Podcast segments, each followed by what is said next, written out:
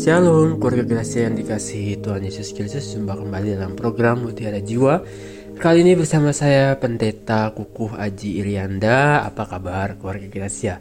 Semoga dalam keadaan yang baik dan sehat ya. Nah, saya sendiri lagi kurang sehat nih kondisinya. Lagi pilek, lagi batuk koordinasi ya. Nanti mohon doanya ya supaya saya lekas sembuh. Jadi kalau suara saya agak bindeng-bindeng dikit ya koordinasi mohon dimaklumi ya koordinasi nah tidak mengurangi semangat kita untuk membaca dan merenungkan firman Tuhan. Mari kita mulai uh, program Mutiara Jiwa pada sore hari ini dengan doa. Mari kita berdoa. Allah Bapa dalam sorga ajar kami untuk bisa mengucap syukur dalam segala hal ketika Tuhan memberikan kepada kami banyak berkat dan penyertaan yang terus senantiasa ada dalam kehidupan kami. Dan kami juga sebentar lagi menikmati berkat firman Tuhan itu lewat pembacaan dan perenungan sabdamu biarlah berkat Tuhan itu boleh kami nikmati di ruang dengar kami ketika kami sama-sama mau belajar sekali lagi dalam program Mutiara Jiwa sore hari ini. Berfirmanlah Tuhan. Dalam nama Tuhan Yesus kami berdoa. Amin. Korgrasi yang dikasih Tuhan Yesus Kristus. Tema kita pada hari ini adalah mampu tidak sama dengan mau. Ya, sekali lagi, mampu tidak sama dengan mau. Mari kita buka firman Tuhan dari Ulangan pasal 8 ayat 1 sampai 6 dan kita lanjutkan ayat 17 sampai dengan yang ke-19 sekali lagi ulangan pasal 8 ayat 1 sampai 6 dilanjutkan ayat 17 sampai dengan yang ke-19 sekali lagi ulangan 8 ayat 1 sampai 6 dan dilanjutkan ayat 17 sampai dengan yang ke-19 Apakah sudah ketemu semua ulangan 8 Firman Tuhan berbunyi demikian Segenap perintah yang kusampaikan kepadamu pada hari ini haruslah kamu lakukan dengan setia, supaya kamu hidup dan bertambah banyak, dan kamu memasuki serta menduduki negeri yang dijanjikan Tuhan dengan sumpah kepada nenek moyangmu. Ingatlah kepada seluruh perjalanan yang kau lakukan atas kehendak Tuhan Allahmu di padang gurun selama 40 tahun ini dengan maksud merendahkan hatimu dan mencobai engkau untuk mengetahui apa yang ada dalam hatimu, yakni apakah engkau berpegang pada perintahnya atau tidak. Jadi Tuhan merendahkan hatimu, membiarkan engkau lapar dan memberi engkau makan mana yang tidak kau kenal dan yang juga tidak dikenal oleh nenek moyangmu untuk membuat engkau mengerti bahwa manusia hidup bukan dari roti saja tapi manusia hidup dari segala yang diucapkan Tuhan. Pakaianmu tidaklah menjadi buruk di tubuhmu dan kakimu tidaklah menjadi bengkak selama 40 tahun ini. Maka haruslah engkau insaf bahwa Tuhan Allahmu mengajari engkau seperti seseorang mengajari anaknya. Oleh sebab itu, Haruslah engkau berpegang pada perintah Tuhan Allahmu dengan hidup menurut jalan yang ditunjukkannya dengan takut akan dia. Ayat 17 Maka janganlah kau katakan dalam hatimu, kekuasaanku dan kekuatan tanganku lah yang membuat aku memperoleh kekayaan ini tapi haruslah engkau ingat kepada Tuhan Allahmu sebab dialah yang memberikan kepadamu kekuatan untuk memperoleh kekayaan dengan maksud meneguhkan perjanjian yang diikrarkannya dengan sumpah kepada nenek moyangmu seperti sekarang ini. Tetapi jika engkau sama sekali melupakan Tuhan Allahmu dan mengikuti ilah lain, beribadah kepadanya dan sujud menyembah kepadanya, aku memperingatkan kepadamu hari ini bahwa kamu pasti binasa. Demikianlah khotbah um, Nabi Musa ya kepada bangsa Israel di kitab Ulangan sebelum mereka masuk ke negeri atau tanah perjanjian. Jemaat yang dikasih Tuhan Yesus Kristus, keluarga Gracia, suatu kali ada seorang pendeta yang mengajar di kelas bina iman kepada anak-anak remaja ya pendeta ini bertanya kepada mereka dalam kelas itu pertanyaannya adalah apakah kalian percaya Allah itu maha kuasa nah Serentak semua murid menjawab, "Oh iya dong Pak Pendeta. Dia bisa melakukan apa saja?" Pak Pendeta tanya lagi, "Oh iya dong, pasti." Nah, lalu Pak Pendeta kasih teka-teki ini sebuah pertanyaan. Kalau begitu, apakah Allah bisa menciptakan sebuah batu yang besar sekali yang karena begitu besarnya Allah sendiri sampai tidak mampu mengangkatnya? Saya ulang pertanyaannya ya. Kalau begitu, apakah Allah kemudian bisa menciptakan sebuah batu yang besar sekali yang karena begitu besarnya Allah sendiri sampai tidak mampu mengangkatnya? Nah, mendengar pertanyaan ini sebagian uh, murid-murid ya menjawab bisa pak. Ya sebagian lagi menjawab tidak bisa. Ya sebagian lagi menjawab tidak menjawab. Ya jadi ada tiga uh, jawabannya satu lagi jawab bisa ya satu lagi tidak uh, tidak menjawab ya alias ragu-ragu. Yang satu lagi mengatakan Allah tidak bisa. Nah lalu Pak Pendeta bertanya lagi kalau begitu Allah tidak maha kuasa karena dia tidak bisa mengangkat batu besar yang dibuatnya. Nah, yang optimis bilang, oh nggak bisa Pak Pendeta, dia pas, Allah pasti bisa mengangkat, ya. Nah, lalu pendeta kasih teka-teki lagi nih. Kalau begitu Allah juga tidak maha kuasa dong karena Allah belum belum atau tidak bisa menciptakan batu besar yang tidak mampu diangkatnya sendiri. Ya. Kalau begitu Allah juga tidak maha kuasa karena dia belum atau tidak bisa menciptakan batu besar yang tidak mampu diangkatnya sendiri. Nah, di kelas itu akhirnya semua murid-muridnya terdiam. Nah, keluarga Gracia yang dikasih oleh Tuhan Yesus Kristus bicara soal kemahakuasaan Allah, tentu kita ingat satu ayat populer atau ayat favorit yang selalu dislogankan banyak orang beriman atau orang percaya, yaitu bahwa tidak ada yang mustahil bagi Allah. Kita selalu dengungkan itu dalam sebuah renungan, dalam sebuah khotbah ya, atau ketika kita uh, menguatkan ya uh, sesama rekan, sama sahabat, sama jemaat kita sendiri. Kalau saya sudah riset ya koregrasi ya ayat-ayat seperti tidak ada yang mustahil bagi Tuhan atau tidak ada yang tidak mungkin bagi Tuhan itu muncul lebih kurang 10 kali secara eksplisit ya dan tentunya masih banyak ayat yang punya uh, nada serupa Nah, lalu bagaimana posisi saya sebagai seorang hamba Tuhan? Nah, saya tentu mengajak kita semua untuk sungguh-sungguh mengaminkan kesaksian Alkitab ini, ya, bahwa kita percaya tidak ada yang mustahil bagi Tuhan. Amin. Amin. Dan harus kita uh, percayai, ya, harus kita hayati, ya, harus kita resapi dalam kehidupan beriman kita. Tapi tentu ya ketika Allah mampu untuk mengerjakan segala sesuatu yang tidak boleh kita lupakan adalah apakah kemudian Allah mau untuk melakukannya. Nah ini yang penting keluarga Gracia. Saya mengimani bahwa tidak ada yang mustahil untuk Tuhan. Dan saya yakin keluarga Gracia juga seperti itu. Tapi yang tidak boleh kita lupakan adalah bagaimana cara Tuhan untuk melakukan apa yang kita mau. Ya, bagaimana proses Tuhan untuk mengabulkan doa kita bahwa tidak ada yang mustahil bagi Tuhan. Nah, kadang-kadang kita sebagai umat beriman bisa menjadikan ayat-ayat ini hanya seperti uh, klise saja tanpa mau begitu ya untuk melihat proses yang harus Tuhan um, izinkan terjadi dalam kehidupan kita dengan ayat ini bisa juga membuat kita seperti seperti kita yang mengatur atau mendikte Allah ya seolah-olah kita berada di atasnya Allah atau seolah-olah kita tahu apa yang Allah mau. Nah, tentunya kita tidak bisa seperti itu ya kalau ya.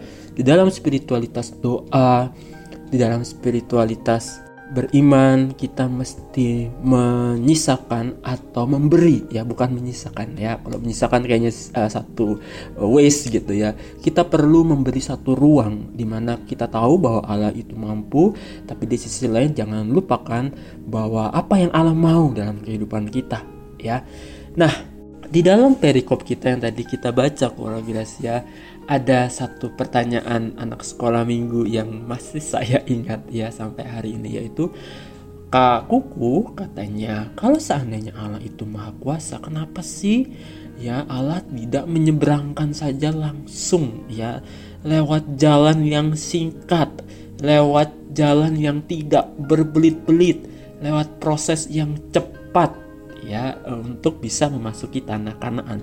Kan katanya Allah itu maha kuasa, Allah itu mampu. Tapi kenapa bangsa Israel harus ya melewati perjalanan yang sangat panjang bahkan berputar-putar ya di padang gurun selama 40 tahun ya.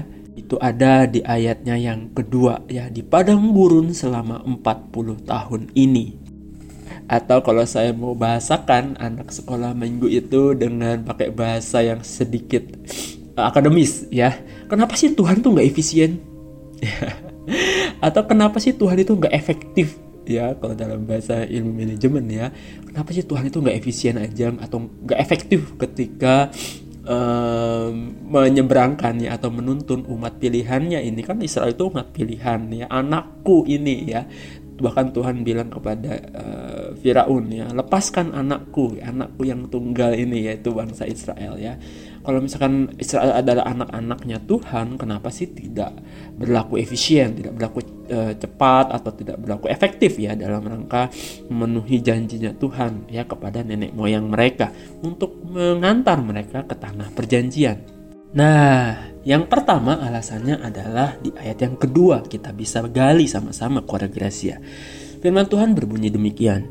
Ingatlah kepada seluruh perjalanan yang kau lakukan atas kehendak Tuhan Allahmu. Tentu ini adalah perjalanan di padang gurun ya selama 40 tahun ini ya. Kemudian ada frase dengan maksud merendahkan hatimu ya. Nah, ini. Jadi kita bisa uh, melihat, kita bisa belajar ya bahwa ada maksud Tuhan tersendiri. Kenapa Tuhan punya mau ya untuk uh, membawa bangsa Israel selama itu di padang gurun yaitu 40 tahun. Nah ini adalah maunya Tuhan yang kita nggak bisa ganggu gugat para Gracia ya. Kenapa? Karena tentu Tuhan lebih tahu ya uh, siapa diri kita? Ya Tuhan itu ketika melihat kita bukan hanya melihat uh, wujud luarnya ya pendeta kuku rambutnya ganteng ya tidak tidak ya. Tapi Tuhan itu melihat hati. Tuhan itu melihat pikiran kita. Tuhan itu mendengar isi hati kita. Ya kalau orang lain nggak bisa dengar gumaman kita atau apa ya uh, dumelan kita ya dalam hati. Tapi Tuhan itu bisa Artinya Tuhan itu tahu ya siapa itu Israel. Ya, bagaimana karakter mereka sebagai sebuah bangsa. Ya, jadi ada cara Tuhan yang memang kita e, gak bisa pahami tapi hanya Tuhan yang tahu. Ya, ternyata maksud Tuhan berlaku tidak efektif dan efisien yaitu selama 40 tahun memproses mereka di padang gurun adalah dengan maksud merendahkan hatimu. Itu tertulis jelas di ayat yang kedua lah memangnya karakter orang Israel itu gimana ya? Nah keluarga Gracia yang dikasih oleh Tuhan Yesus Kristus kita semua mengakui bahwa bangsa Israel adalah bangsa pilihan ya. Tapi ternyata ya pilihan itu bukan tentu yang bukan berarti yang terbaik ya. Kadang-kadang ya pilihan yang kita ambil uh, bisa terjadi ya itu bukan karena yang terbaik. Tapi justru ada sesuatu ada maksud Tuhan untuk membentuk karakter ya bangsa Israel. Nah, pertanyaannya memang karakternya bangsa Israel gimana?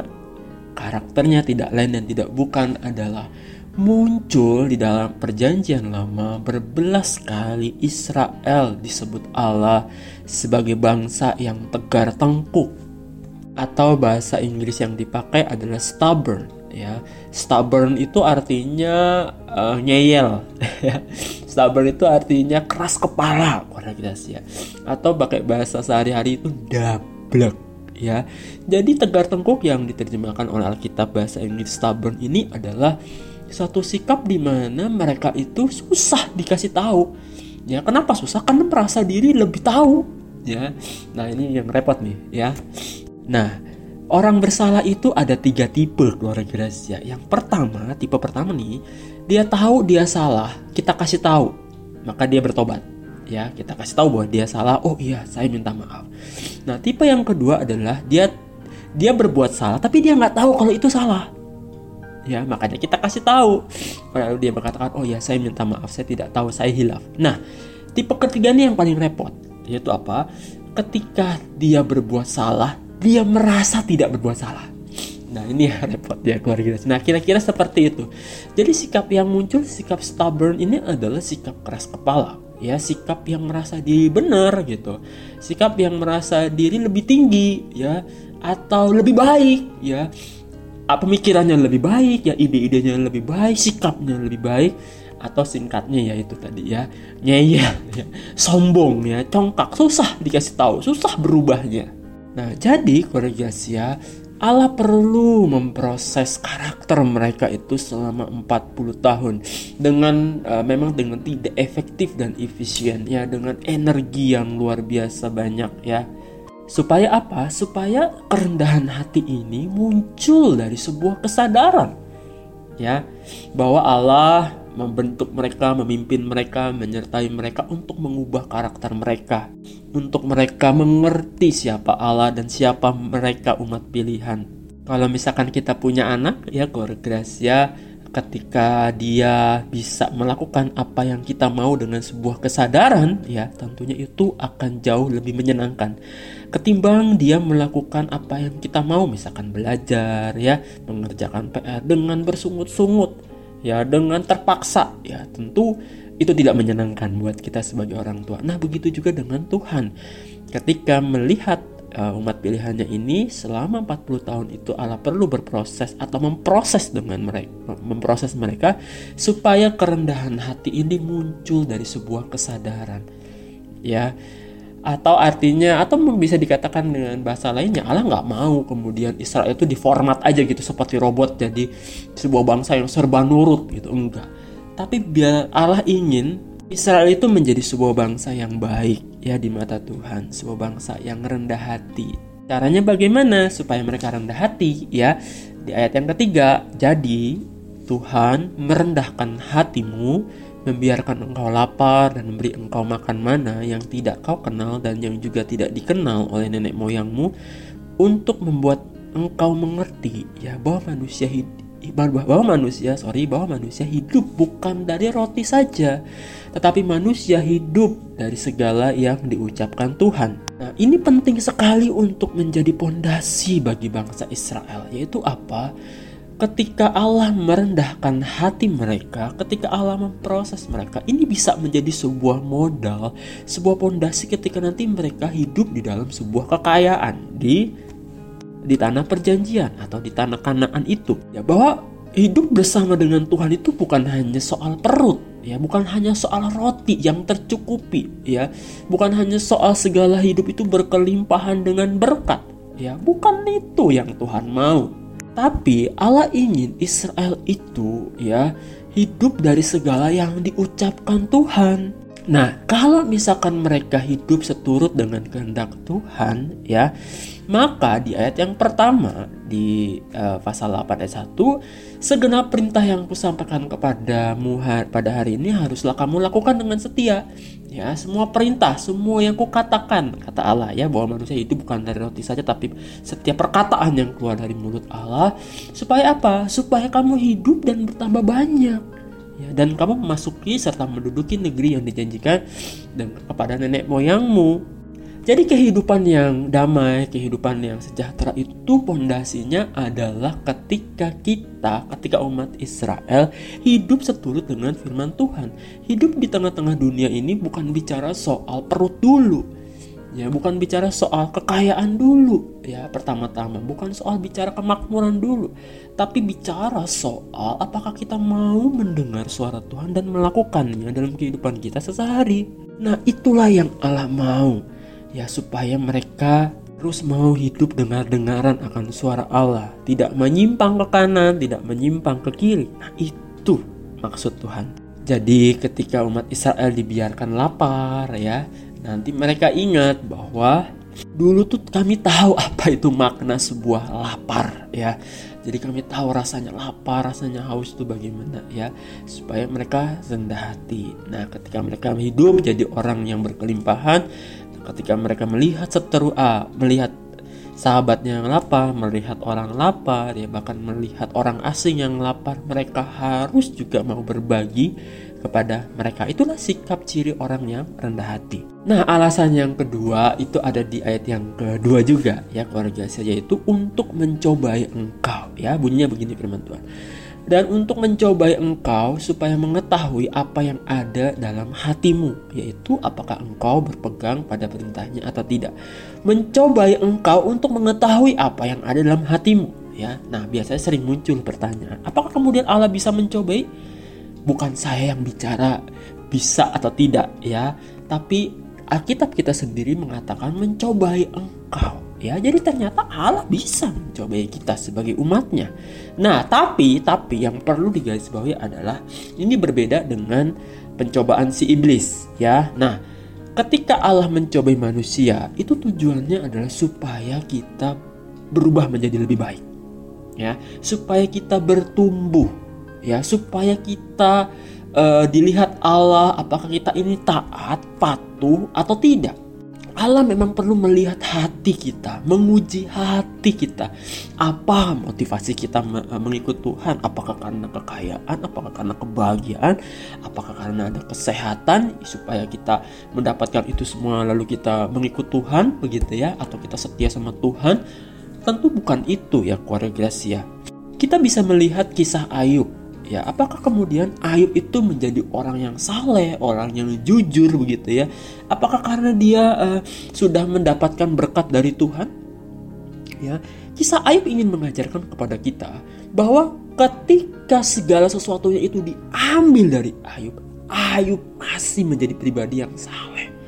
Ayub tidak berbuat dosa dengan mulutnya meskipun istrinya sudah mengatakan kutukilah ayahmu Allahmu dan matilah ya kata istrinya tapi kemudian Ayub berkata engkau seperti perempuan gila ya, engkau hanya mau menerima yang baik dari Allah dan tidak mau menerima yang tidak baik ya dengan semuanya itu Ayub tidak berbuat dosa dengan mulutnya artinya Iman Ayub itu memang diuji, dicobai oleh Tuhan. Supaya apa? Supaya kelihatan mutu imannya Ayub itu bukan iman yang seperti ada udang di balik bakwan. Ya, kesalahan Ayub adalah kesalahan murni di mana dia betul-betul hidupnya bergantung sama Tuhan.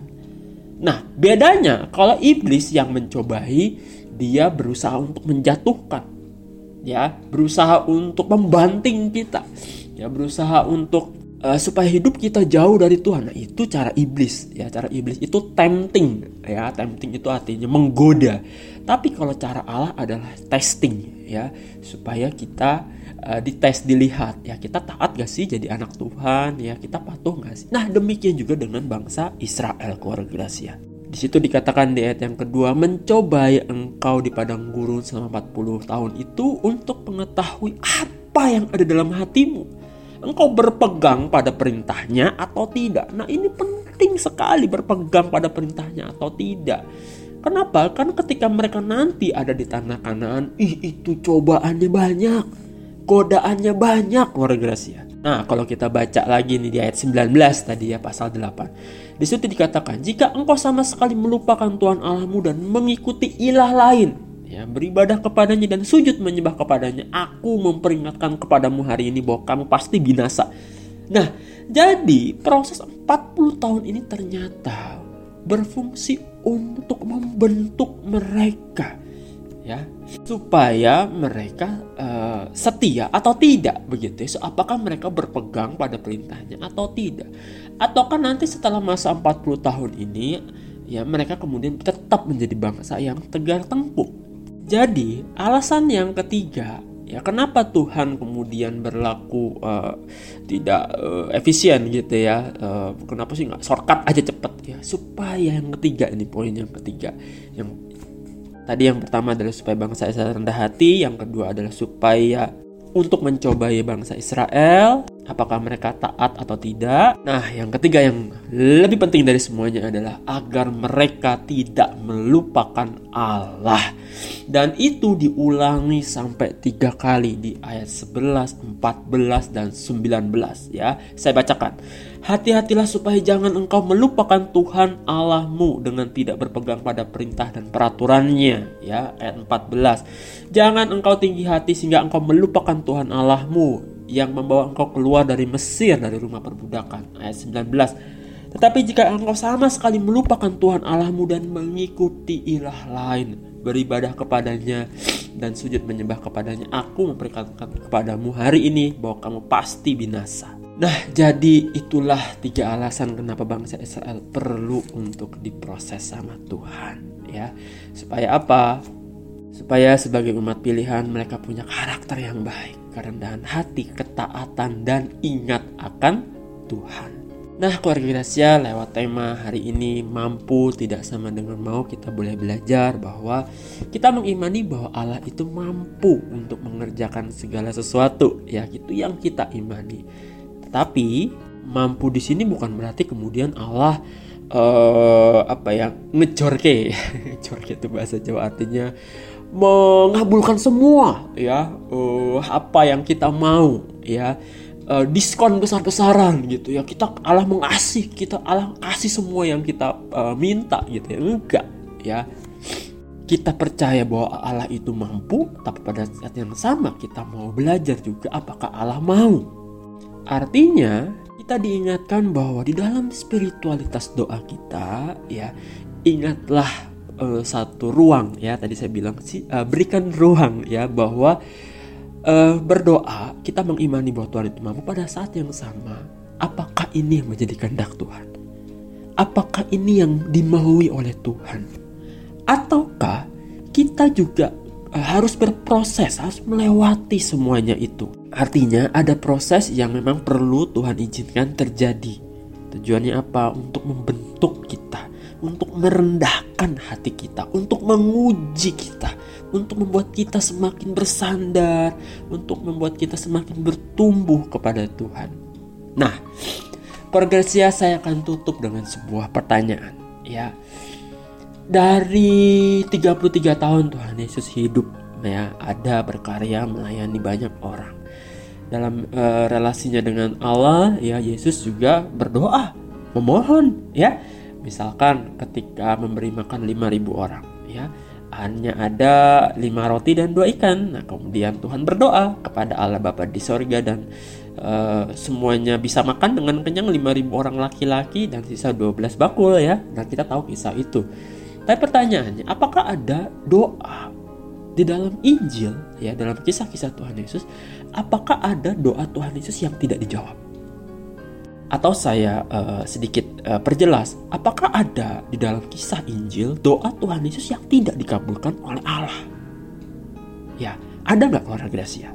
Jawabannya ada keluarga Gracia, yaitu doa Tuhan Yesus di Taman Getsemani. Ya, saya akan bacakan Matius 26 ayat 39, ayat 42 dan ayat 44. Firman Tuhan berbunyi demikian. Matius 26 ayat 39. Maka Tuhan Yesus maju sedikit lalu sujud dan berdoa katanya, Ya Bapakku, jikalau sekiranya mungkin, biarlah cawan ini lalu daripadaku. Tetapi janganlah seperti yang kukehendaki, melainkan seperti yang engkau kehendaki. Lalu ayat 42, lalu Tuhan pergi untuk kedua kalinya dan berdoa, katanya, Ya Bapakku, jikalau cawan ini tidak mungkin lalu, kecuali apabila aku meminumnya, jadilah kehendakmu. Dan di ayat 44, Lalu Tuhan berdoa untuk ketiga kalinya dan mengucapkan doa yang itu juga. Warga Dasia mari kita perhatikan spiritualitas doa Tuhan Yesus.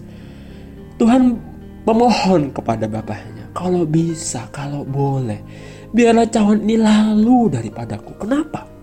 Karena cawan ini terlalu pahit isinya, keluarga. Cawan ini adalah cawan penderitaan di mana Tuhan Yesus melihat di hari Jumat besok itu ada begitu banyak sengsara, ada begitu banyak sakit fisik yang harus dia alami.